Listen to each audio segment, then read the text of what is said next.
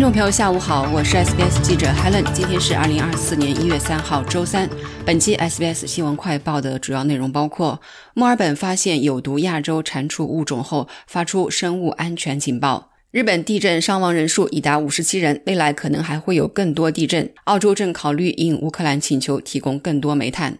墨尔本发现了一种有毒亚洲蟾蜍物种后，当局正在努力弄清这种有毒蟾蜍是如何出现在墨尔本的。这种蟾蜍广泛分布于东南亚，包括巴厘岛、泰国和巴布亚新几内亚。这种有毒的亚洲蟾蜍在离家数千里之外的维多利亚州被发现后，对野生动物和宠物构成了严重的威胁。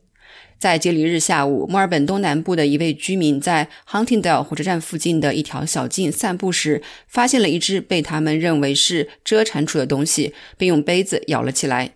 他们随后向维多利亚州农业局报告了这一发现。农业局随后确认该物种为亚洲黑刺蟾蜍，一种会分泌有毒乳状物质的两栖动物。维多利亚州农业局表示，野生动物或宠物如果试图食用这种蟾蜍，可能会导致重病或死亡。这种蟾蜍每年可繁殖两次，每个繁殖周期可产多达四万枚卵。食用亚洲黑刺蟾蜍皮或卵也可能导致重病或死亡。这只蟾蜍是维多利亚州当局自1999年以来发现的第十八只此类蟾蜍。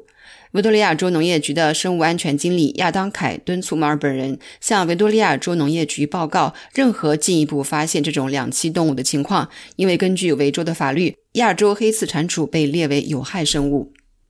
袭击日本西部的强烈地震造成的伤亡人数已经上升到五十七人。官员们警告说，未来可能还会发生更多地震。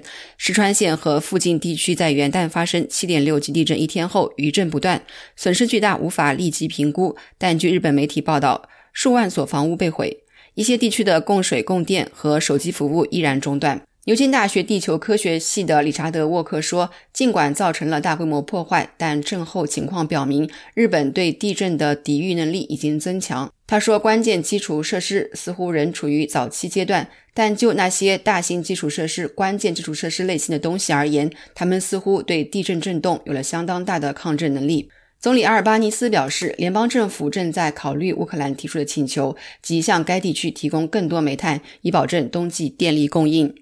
俄罗斯将目标对准了乌克兰的能源基础设施。乌克兰要求澳大利亚运送煤炭，以避免该国民众在寒冷的月份里受冻。阿尔巴尼斯说，政府正在考虑这一请求。他说：“听着，我们会考虑的。”我注意到乌克兰大使的评论，他说的是明年十月。他在今天的澳大利亚金融评论报上说的是明年冬天。应乌克兰大使馆去年十二月的请求，外交与贸易部一直与乌克兰大使馆保持联系。